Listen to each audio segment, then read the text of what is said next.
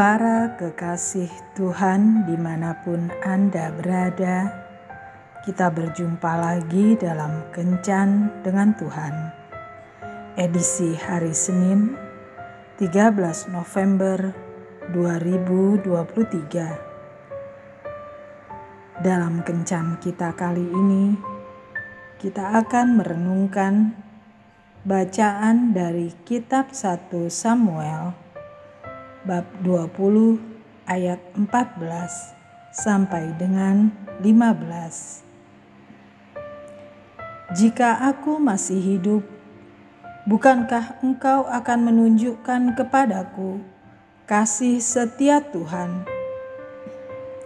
Tetapi jika aku sudah mati, janganlah engkau memutuskan kasih setiamu terhadap keturunanku sampai selamanya.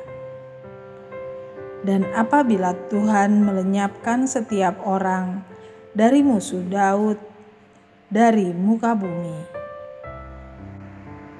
Bapak, Ibu, dan saudara-saudara yang dikasihi Tuhan, ada seseorang yang pernah menulis, "Tertawa beresiko menunjukkan kebodohan." Menangis beresiko menunjukkan kecengengan. Bertemu dengan orang lain beresiko menunjukkan keterlibatan. Menunjukkan perasaan beresiko menunjukkan jati diri kita yang sebenarnya. Mempresentasikan ide, impian di depan umum beresiko kehilangan mereka. Mencintai beresiko untuk tidak dicintai. Hidup beresiko mati, berharap beresiko putus asa, mencoba beresiko kegagalan. Dengan kata lain, segala keputusan dan tindakan yang kita ambil dalam hidup ini menghasilkan resiko. Yonatan adalah pria yang dalam hidupnya berani menanggung resiko dari keputusan-keputusan yang diambilnya. Sebagai seorang calon pemimpin bangsa Israel di masa depan, dia ditantang oleh keadaan untuk memilih apakah akan mendukung ayahnya untuk membinasakan Daud atau membangun kerjasama dengan Daud. Jika dia mengikuti kehendak ayahnya untuk membantu membunuh Daud, resikonya dia akan terhitung sebagai musuh Tuhan. Kalau dia bekerja sama agar Daud luput dari Saul dan menjadi raja Israel, resikonya ia bisa dicap sebagai anak yang tidak berbakti kepada orang tuanya bahkan kehilangan kesempatan menjadi raja atas Israel. Yonatan adalah anak yang sangat dekat dengan ayahnya. Alkitab melukiskan kedekatan itu demikian, tetapi Yonatan berkata kepadanya, "Jauhlah yang demikian itu, engkau tidak akan mati dibunuh. Ingatlah, ayahku tidak berbuat sesuatu, baik perkara besar maupun perkara kecil, dengan tidak menyatakannya kepadaku. Mengapa ayahku harus menyembunyikan perkara ini kepadaku? Tidak mungkin.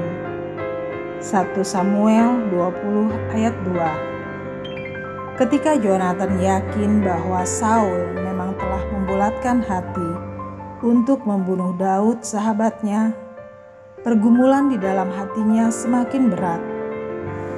Namun, sikap takut akan Tuhan yang ada padanya membuat dia mampu mengambil keputusan yang benar, berpihak kepada kebenaran.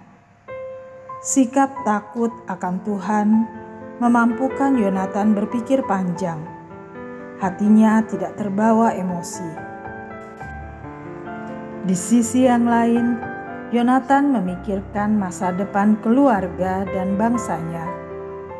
Karena itu, ia memilih untuk membela Daud, karena dalam hal ini Daud sama sekali tidak bersalah. Yonatan menyadari bahwa Daud pasti diangkat Tuhan menjadi raja. Karena itu, ia memastikan bahwa Daud akan memberikan perlindungan kepada keluarganya, terutama jika ia telah tiada. Dalam ketulusan, Yonatan meminta Daud berjanji untuk setia memelihara keluarganya, dan Daud pun menyanggupinya. Sebenarnya ada risiko lain dari keputusannya ini. Daud bisa saja tidak menepati janjinya. Tetapi Jonathan yang mengenal Daud mengambil resiko itu. Dalam hidup ini, banyak orang yang tidak berani melangkah karena takut akan resiko.